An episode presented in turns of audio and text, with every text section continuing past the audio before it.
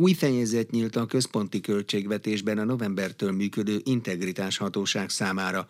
Az erről szóló törvénymódosítást kedden fogadta el az országgyűlés. Az integritás hatóság autonóm államigazgatási szervezet lesz, és az uniós támogatásokkal kapcsolatos jogsértéseket vizsgálja ki. A miniszterelnökségen megalakul a belső ellenőrzési és integritási igazgatóság. A kormány ettől azt reméli, hogy az Európai Unió kifizeti a Magyarországnak járó uniós támogatásokat, és megszünteti a további szankciókkal fenyegető brüsszeli eljárásokat.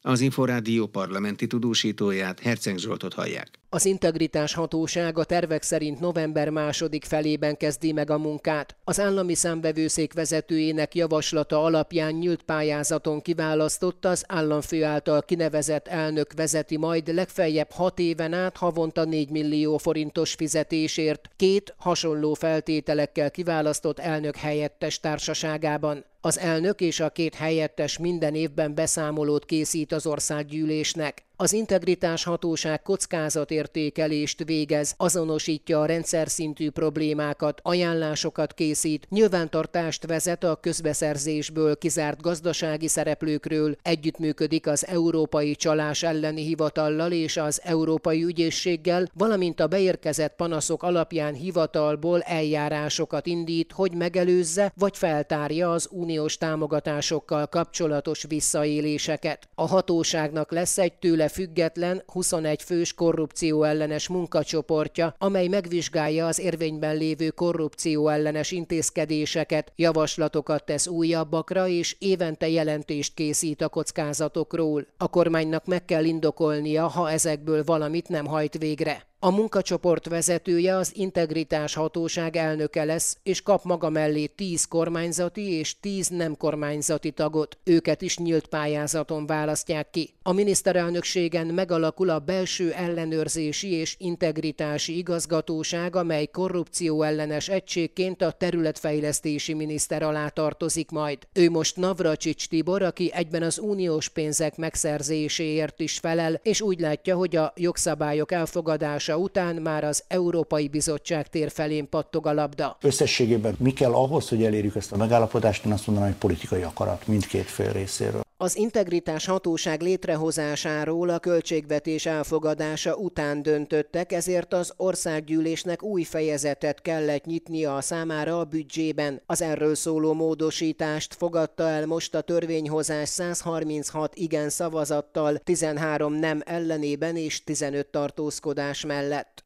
A Fogyasztóvédelmi Hatóság ellenőrizni fogja, hogy mindenhol lehet-e bankkártyával fizetni, az üzletszabályzatok módosításait pedig kötelező lesz érthető szövegben közzétenni.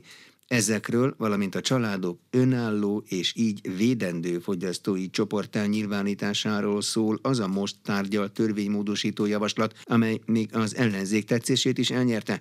A részleteket parlamenti tudósítónk Herceg Zsolt ismerteti. Ami tilos offline, az legyen tilos online is. Így foglalta össze a digitális fogyasztóvédelem lényegét előterjesztői expozéjában az igazságügyi minisztérium parlamenti államtitkára. Répási Róbert elmondta, a javaslat a fogyasztók egyértelműen azonosítható csoportjaként nevezi meg a családokat és megreformálja a közérdekű kereseteket. Ez utóbbi azt jelenti, hogy egy törvénysértő vállalkozás ellen ezentúl nem csak az egyén indíthat pert, hanem az őt képviselő szervezet, például egy non-profit fogyasztóvédelmi egyesület is. A felgyorsult technológiai fejlődés, a digitalizáció és a piaci változások okozta kihívások korában hatékony és gyors segítséggel, valamint biztos intézményrendszerrel kell garantálnunk a fogyasztók jogainak érvényesülését. Egy másik nagyon fontos módosításnak köszönhetően a fogyasztóvédelmi hatóság ellenőrizheti, hogy a kereskedők biztosítják-e az elektronikus fizetést, az üzletszabályzatok megváltoztatásának bonyolult értesítéseit pedig le kell cserélni közérthetőekre. Ismét Répási Robertet hallják. Ezáltal nem kell hosszú és nehezen érthető oldalakon keresztül keresgélni a fogyasztóknak, mi is változott az üzletszabályzatban, hanem egy rövid és érthető összefoglalóból tudomást szerezhetnek a változásokról. A Fidesz vezérszónoka F. Kovács Sándor üdvözölte, hogy a törvényhozás reagál az online vásárlás térnyerésének jelenségére. A KDNP Svejke Imre úgy fogalmazott, hogy a kormány a cselekvő fogyasztóvédelmet preferálja. A törvénymódosítási javaslatról összességében elismerően nyilatkozott a DK Sebjen Petrovski László, az MSZP Szabó Sándor, a Jobbikos Zékárpád Dániel és a Mi Hazánk vezérszónoka Apáti István is. Vádat emeltek korrupció és pénzmosás miatt a Magyar Bírósági Végrehajtói Kar elnöke és 21 társa, köztük Völner Pál volt igazságügyi államtitkár ellen.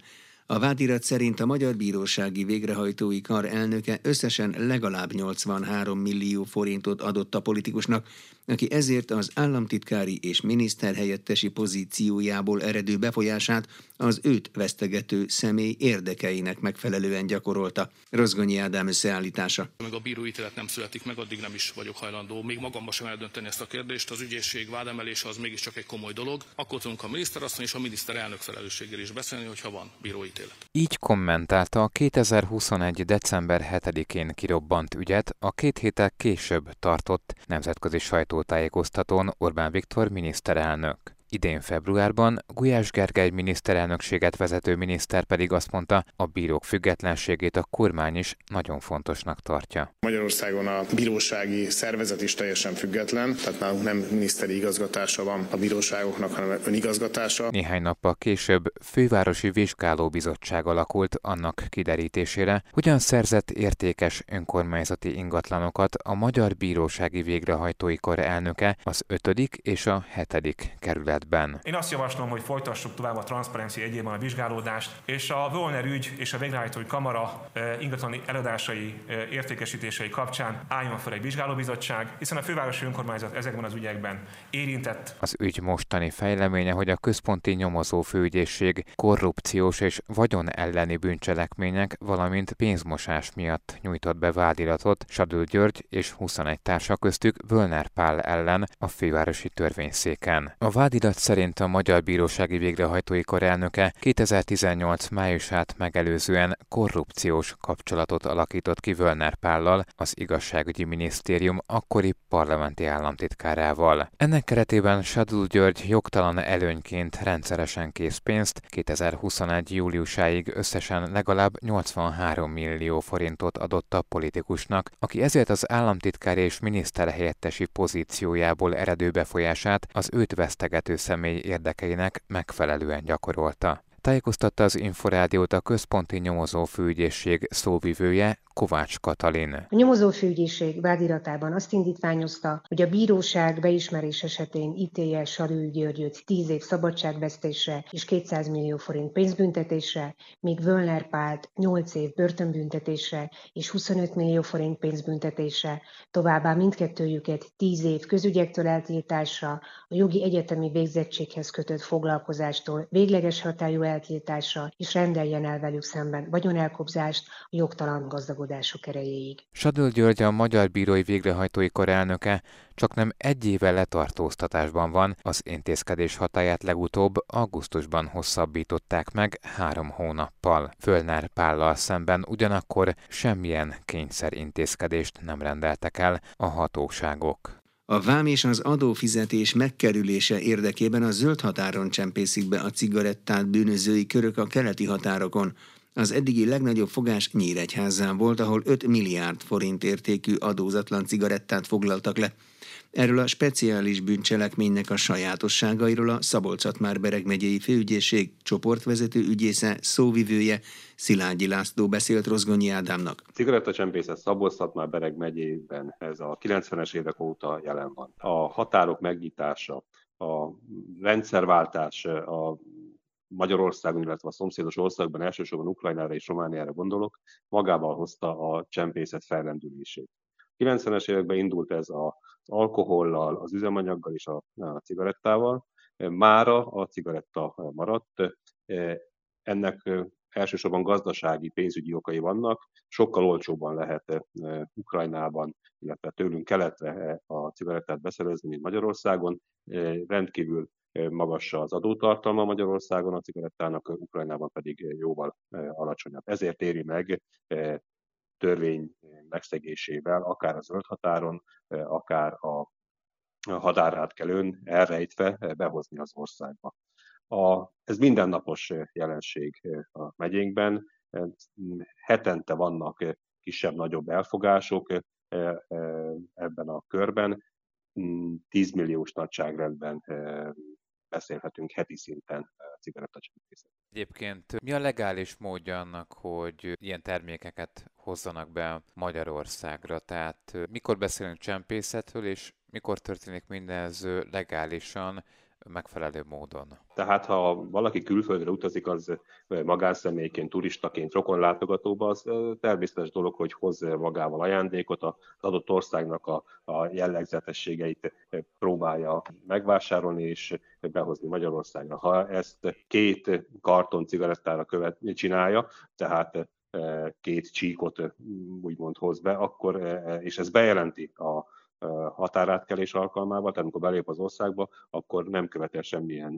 bűncselekményt, illetve szabálysértést. Ha viszont elrejti a, a cigarettát, akár a táskájában, autójában, akkor ha 500 ezer forintot nem haladja meg az államnak okozott adóbevétel kiesés, akkor vámszabálysértést követel. Ha az 500 ezer forintot is meghaladja a cigarettának az adótartalma, akkor már költségvetési csalást. Egyébként korábban csempészetnek hívták ezt a bűncselekményt, csak módosult a büntető törvénykönyv, és most már költségvetési csalása pontos megnevezése a bűncselekménynek. Természetesen nagy kereskedők, cégek is hozhatnak be a NAV ellenőrzése mellett a határon bejelentve, tehát ennek megvan a törvényes útja, és természetesen a közterheket meg kell fizetni. Vámot, jövedéki adót és általános forgalmat. Új büntető törvénykönyvet fogadott el az országgyűlés, ami 2013-ban történt, és egységesítették a különböző bűncselekményeket, amelyek az államnak okoznak bevételkiesést, vagyoni hátrányt, és ezeket egységesen most már költségvetési csalásnak nevezik. Nem csak a csempészet szűnt meg elnevezésében, hanem például a jogosulatlan gazdasági előny megszerzésének büntette, amikor ugye különböző állami és uniós támogatásokat szereztek meg törvényellenesen az elkövetők. Ma már azt is költségvetési csalásnak hívják. És ugyanúgy költségvetési csalás az is, aki például áfát csal, fiktív számlák felhasználása. Mik a büntetési tételei egyébként a cigaretta csempészetnek, vagy bármilyen más csempész tevékenységnek? A költségvetés csalás alapesetben három évig terjedő szabadságvesztéssel büntethető. Tehát aki az államnak 500 ezer és 5 millió forint közötti bevételkiesést okoz, az három évet kaphat. 5 millió és 50 millió forint között 5 évet, a fölött pedig 2-től 8 évet, 500 millió forint bevételkiesés esetén pedig 10 éves büntetésre lehet számítani.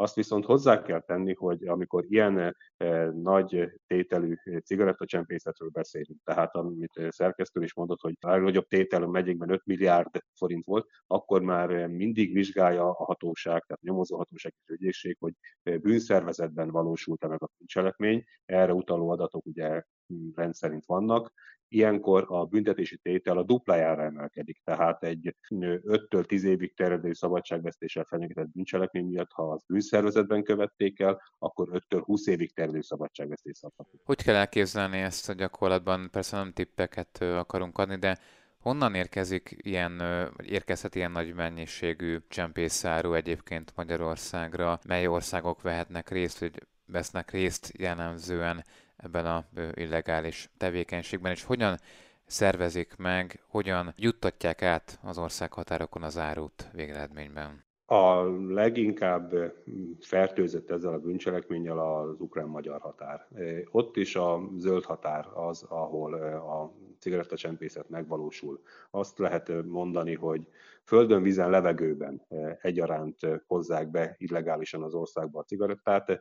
A Tisza, mint határfolyó népszerű ebből a szempontból. Az elmúlt héten is volt egy gumicsónakos elfogása a pénzügyőröknek. 10 milliós nagyságrendben pakoltak meg egy gumicsónakot, illetve ahhoz hozzáerősítették a nejlomba csomagolt kartonokat, cigarettás kartonokat, és így úsztatták, próbálták átúsztatni a Tiszán, de a a hatóság ezt elfogta. Légi úton is érkezik. Több példa volt már motoros sárkányrepülőre, drónra, hogy arra pakolták fel a cigarettát és juttatták be Magyarországra. Nyilván ez kisebb mennyiséget tud egyszerre szállítani. A zöld határon pedig, amikor a szárazföldi útvonalakat használják a csempészek, az egy, az egy kifejezetten szervezett elkövetési mód. Egyrészt van egy csapat, egy bűnözői társaság az ukrán oldalon, akiknek az a feladata, hogy a zöld határon határvonalon átjuttassák a cigarettát. Ehhez alkalmaznak serpákat lényegében, akik három eh, mesterkartonyi cigarettát tudnak hevederekkel magukra erősíteni, és így sétálnak át eh, a zöld határon éjjel eh, Magyarországra, ahol rögtön átadják egy magyar tagokból álló másik bűnszervezetnek a cigarettát, akik beszállítják az első faluba, az első tanyára, és ott úgymond deponálják, összegyűjtik a cigarettát.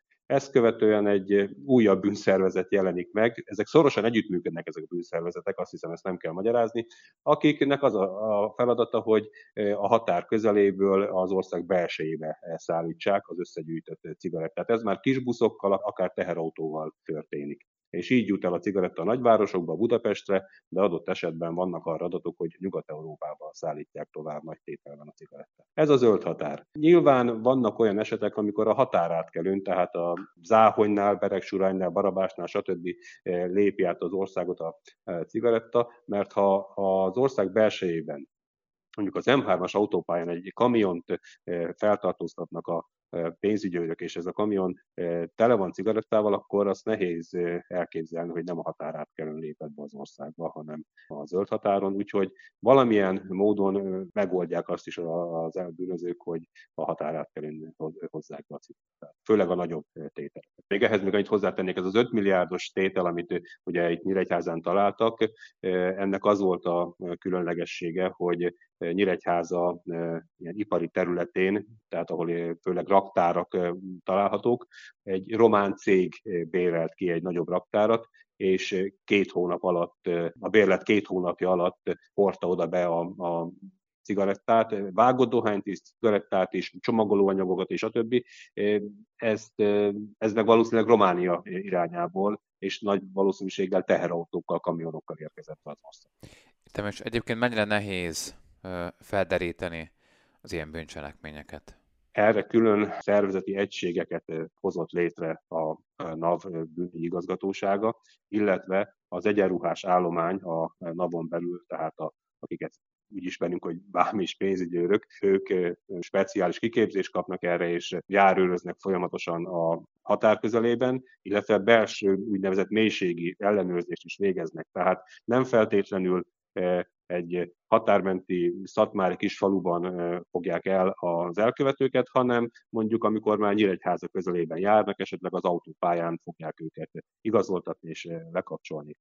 A vám és pénzügyőrség, illetve a NAV munkatársai mellett Szabolcs már Bereg megyében a készenléti rendőrségnek az állománya, a a határvadászok is jelen vannak, és ők is részt vesznek a, a, ezeknek a bűncselekményeknek a felderítésében. A, nagyon sok elfogást a, a határvadászok hajtanak végre, hiszen az ő munkájuk arról szól, hogy a határ közelében, a határvonalon járőznek, tehát nagyon sok cigarettacsempészetet ők derítenek fel. És adják át utána a, a munkatársainak a Mennyiben jelent ez veszélyt magára a fogyasztóra? Nézve? Ezek a cigarettafajták, amiket eh, ezekben az ügyekben eh, lefoglalnak, és utána eh, egyébként elkobzás alá esnek, és egy ledarálják őket, és elégetik a szeméttelepen. Tehát mindig megsemmisítés lesz a sorsa. Ez nem kerül, ha, amit a hatóság lefoglalt, az soha nem kerül forgalomba már Magyarországon, megsemmisítik, elégetik. Több olyan ügy is volt, amikor arra voltak adatok, hogy nem e-, erezi cigarettáról van szó. Tehát nagy világmárkákat lemásoltak, és úgy hozták be Magyarországra, illetve annyira ismeretlen márkák vannak, tehát amik Európában nem is kerülnek forgalomba. Ilyen jellegzetes ukrán, fehér orosz és kínai cigarettamárkák. Ezeknek a, a, a megbízhatósága több esetben kérdéses volt, tehát nyilván mindegyik cigaretta dohánytermék káros az egészségre, de ezeknél ez fokozottan jelentkezett, a, éppen azért, mert ellenőrizetlen forrásból származtak. És hogy miért nem érdemes még az elkövetők szempontjából, azt ki szeretném emelni, hogy az ügyészség óriási hangsúlyt fektet arra, hogy a bűncselekmény útján szerzett vagyont mindig elvonja, elvegye e, az elkövetőktől. Tehát ha bűnszervezetben résztvevő személyek vagy gazdagodtak milliókkal, és ez bizonyítható, akkor erre vagyonelkobzást e, indítványoz az ügyészség, és a bíróság azt minden esetben el is rendel. A vagyonelkobzást pénzben fejezik ki, ha nem tudja kifizetni a vádlott, az elítélt az így meghatározott összeget, akkor jön a végrehajtás az autójára, az ingatlanára, ékszereire, stb. Tehát nagyon fontosnak tartjuk, hogy ne gazdagodjon senki ezen bűncselekmény elkövetésében. Szilágyi Lászlót, a szabolcs már Bereg megyei főügyészség csoportvezető ügyészét, szóvivőjét hallották. Paragrafus. Minden, ami jog. Nagyobb súlya szerepel a polgári perekben az igazságügyi szakértők véleménye a magánszakértők véleményénél, mondta az Inforádiónak nyilatkozó közjegyző. Molnár Tamás hozzátette, a közjegyző igazságügyi szakértő bevonásával olyan szakvéleményt biztosíthat a feleknek, amelynek segítségével eldönthetik, hogy peres úton rendezik-e a jogvitájukat, vagy megelőzik a bírósági eljárást. Elmondta azt is, hogy igazságügyi szakértő az előzetes bizonyítási eljárás során is kirendelhető. Molnár Tamással beszélgettem. Szakértő kirendelése és előzetes bizonyítás. Erről fogunk beszélgetni Molnár Tamás közjegyzővel. Ez első hallásra két intézménynek látszik, a szakértő kirendelése meg az előzetes bizonyítás. Mikor kell szakértőt kirendelni? Igen, alapvetően ugye azt tudjuk elmondani, hogy jól mondta, hogy ezek két külön eljárások, két külön közjegyzői eljárásról beszélünk, ami egyébként mind a kettő önállóan is működik. Ugye a kérdés az volt, hogy mikor rendel ki közjegyző igazságügyi szakértőt, és akkor én itt már ugye céloztam is rá, hogy nem magánszakértőkről beszélünk, hanem igazságügyi szakértőkről. Hát ugye általánosságban az mondható el, hogy akkor rendelünk ki, akkor rendel ki a közjegyző szakértőt, hogyha egy kérelmezőnek valamilyen jelentős tény igazolásához, bizonyításához szakértelemre van szüksége, amivel sem ő nem rendelkezik, sem a közjegyző, sőt, hát egy polgári perben ugye egy bíró sem fog ugye ilyenekkel foglalkozni. Tehát itt a kulcs az a szakértés és a szakvéleménynek a beszerzése. Igazságügyi szakértőkről van szó. Ők hol találhatók, és miben mások, mint a magánszakértők? Igen, ugye az igazságügyi szakértőknek van egy névjegyzékem, tehát ugye őket nyilvántartásba kell venni, és azt mondhatjuk, hogy ugye őket egy jelentős szakmai kontroll alatt tartják, és a nyilvántartásukat az igazságügyi minisztérium vezeti. Egyébként a minisztérium honlapján abszolút lekövethető, hogy ki aktív és ki éppen passzív szak, szakértő, tehát itt igazából a minisztérium az, aki nyilvántartja őket. A különbség az, hogy értem szerint, hogy a neve is mutatja, a magánszakértő az, az nem kerül a nyilvántartásba, és bár itt ugye változtak a polgári perrendtartási szabályok, de azt mondhatjuk, hogy gyakorlat azt mutatja, hogy az igazságügyi szakértőknek a szakvéleménye az erősebb, mint egy magánszakvélemény. Ez a gyakorlat, az elmélet természetesen azt mutatja már, hogy egyenlő szinten van egy magán szakvélemény, illetve egy igazságügyi szakértő által kiadott szakvélemény, azért mégis nagyobb a súlya egy polgári perben egy igazságügyi szakértő véleményének. Olajozottan működik az igazságügyi szakértő kirendelése. Azért kérdezem, mert néhány évvel ezelőtt olvastam olyasmit, hogy például angóra nyúl tenyésztési szakértőből igen nagy hiány van, talán ha egy van az országban.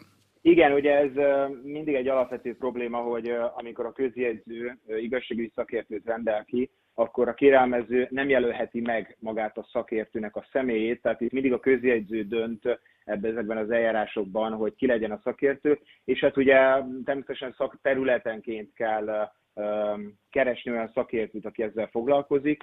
Hát itt amit el lehet mondani, hogy, hogy itt ugye országos országos szinten szoktunk szakértőt keresni egy ilyen szakértő kirendeléssel.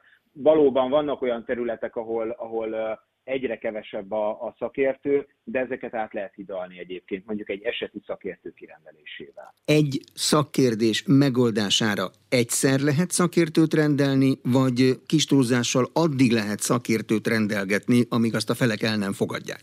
Ugye a közjegyző eljárásnak pontosan az a lényege, hogy még ugye a polgári per előtti szakaszban vannak a felek. Itt ugye egy szakértő kirendelésére szokott sor kerülni, tehát olyan szintű, olyan szintű szabályozás, hogy akár négyszer-ötször is szakértőt rendelünk ki egy adott ügyre vonatkozóan, olyan nincsen. Ugye magának az eljárásnak az a célja, hogy egyfajta bizonyítékgyártás történjen meg, tehát egyfajta szakkérdésben szülessen egy olyan szakvélemény, ami ugye a feleknek, a kérelmezőknek egy olyan segítséget nyújthat, hogy el tudják dönteni, hogy ők most esetlegesen bíróságra mennek, tehát tovább viszik az ügyet, pereskednek, vagy mondjuk megelőzik ezt a jogvita kibontakozását. Tehát ezeknek az eljárásoknak egy perelőkészítés, perelhárító szerepe van.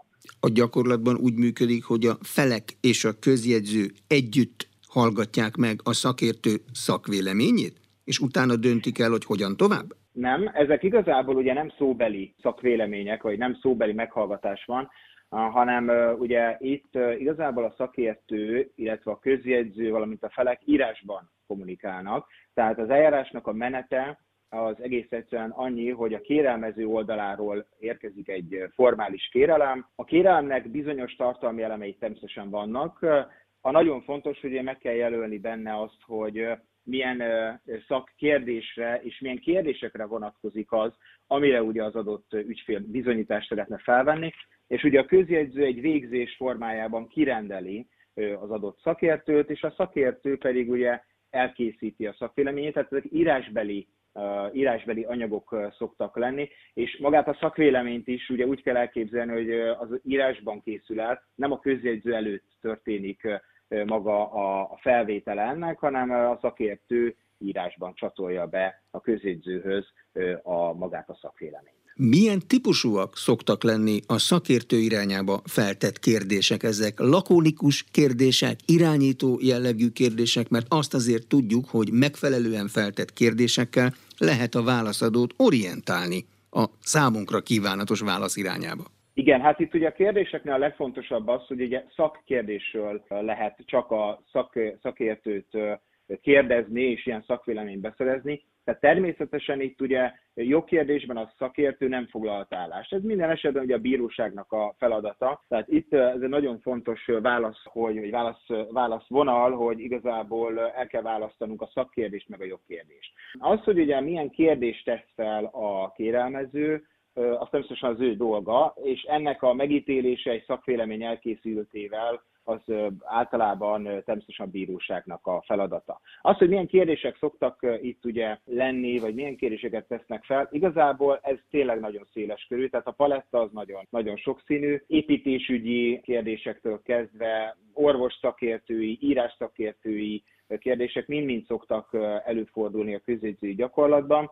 Itt azt mondhatjuk el, hogy nincsen korlátja ezeknek, tehát hatásköri korlátok, milyen ügyek, azok, azok nem szoktak ilyen korlátozás alá esni. Az előzetes bizonyítás az része a szakértői témakörnek, vagy ahhoz nem feltétlenül kell szakértő? Hát igazából ugye a két eljárás elkülönül, tehát ezt úgy tudnám megfogalmazni, hogy a, az előzetes bizonyítás az, ami egy nagyobb körtől el fel, és az igazságügyi szakértő kirendelése az, ami egy szűkebb körben értelmezhető. Tudnélik, az előzetes bizonyítási eljárás során is lehet igazságügyi szakértőt kirendelni, de hát ott ugye mm, lehetséges az, hogy a közjegyző szemlét tart, tanúkihallgatásra is lehet, hogy sor kerül. Tehát igazából az előzetes bizonyítás az, ami egy szélesebb körben értelmezhető előzetes bizonyítást azt bárki bármire kérhet, vagy vannak célszerűségi szempontok ebben? Hát igazából a jogszabály azt nem határozza meg, hogy mire lehet kérni. Természetesen itt ugye nézni kell azt, hogy milyen szakaszban van az adott bizonyítás. Ugye a neve is mutatja, hogy előzetes bizonyítás, és ez egy nagyon fontos dolog, hogy ha közjegyzőtől kérünk előzetes bizonyítás elrendelését, akkor azt csak akkor lehet megtenni, hogyha nincsen még bírósági eljárás. Ez a bírósági eljárás az a polgári vagy büntető eljárást is ugye magába foglalja, tehát itt ez a lényeges, hogy időbeliség van, amíg nincsen per a felek között, addig lehet kérni ezt a ezt az előzetes bizonyítást közjegyzőtől, de ott is nagyon-nagyon széles körű egyébként ennek a tárgyköre. De az a lényege valahol, hogy egy állapot pillanatnyi tanúsítására szolgál egy hivatalos személy, ez esetben a közjegyző által? Így van, így van. Tehát ugye pontosan az a lényege, hogy, hogy egyrészt ugye itt a közjegyzőnek ugyanolyan szerepe, illetve nem is a szerepe, hanem ugyanolyan hatása van, mint egy, mint egy bíróságnak. Tehát ugyan, ugyanolyan bizonyító erővel rendelkeznek ezek az eljárások, mintha a bizonyítás maga a bíróság rendelte volna el. És valóban ez a lényege ennek, a, ennek, az, ennek az eljárásnak, hogy ugye előfordulhatnak olyan élethelyzetek, amikor a bizonyítékoknak az összegyűjtése már nem biztos, hogy egy bíróság eljáráson belül lehetséges. Tehát egy, egy polgári perben nem biztos, hogy ugye, polgári perben nem biztos, hogy rekonstruálhatóak már a bizonyítékok. Erre két példát gyorsan is tudok hozni. Például, hogyha egy ingatlanban valamilyen minőségi kifogás van egy építkezés során, ugye az, mire egy polgári perben oda jut, hogy az bizonyítani kellene, lehet, hogy azok nem figyelhetők meg. De egy másik klasszikus példa, ami elő szokott fordulni, az a tanúnak a kihallgatása. A tanú életkora, egészségi állapota lehet, hogy nem teszi azt lehetővé, hogy mondjuk több hónapot vagy akár évet is ugye várjon arra, hogy, hogy előadja azokat a tényeket, információkat, ami, aminek ugye ő birtokában van. Ilyenkor ugye közjegyző egyfajta jegyzőkönyvet, egy közokiratot vesz fel erre vonatkozóan, meghallgatja a tanút, és konzerválja igazából az ő előadását, így a bizonyíték is ugye felhasználható egy későbbi polgári per során. Mm, és az benne a plusz, hogy ez egy hiteles, a bíróság előtt bármikor megálló, az eredeti állapotában megmaradó bizonyíték marad? Így kell érteni? Így van, így van, pontosan így van. Ugye azt is el kell mondani, hogy mind a két eljárás, tehát az előzetes bizonyítás is, meg az igazságügyi szakértő kirendelése is egy párhuzamos hatáskörrel bír, tehát bíróságtól is lehet kérni, meg közjegyzőtől is. Tehát itt ugye a szabályok igazából nagyon hasonlóak, és maga a hatása is valóban ugyanaz, ha közjegyző, vagy ugye egy bíró rendeli el. Itt ezek a permegelőző jelleggel bíró eljárások közé tart. Molnár Tamást Debrecen 5. számú székhelyén működő közjegyzőt hallották. Paragrafus. Minden, ami jog. Jogi magazinnal legközelebb egy hét múlva jelentkezünk. Munkatársam Rozgonyi Ádám nevében is köszönöm figyelmüket, Nexterde Tibor vagyok.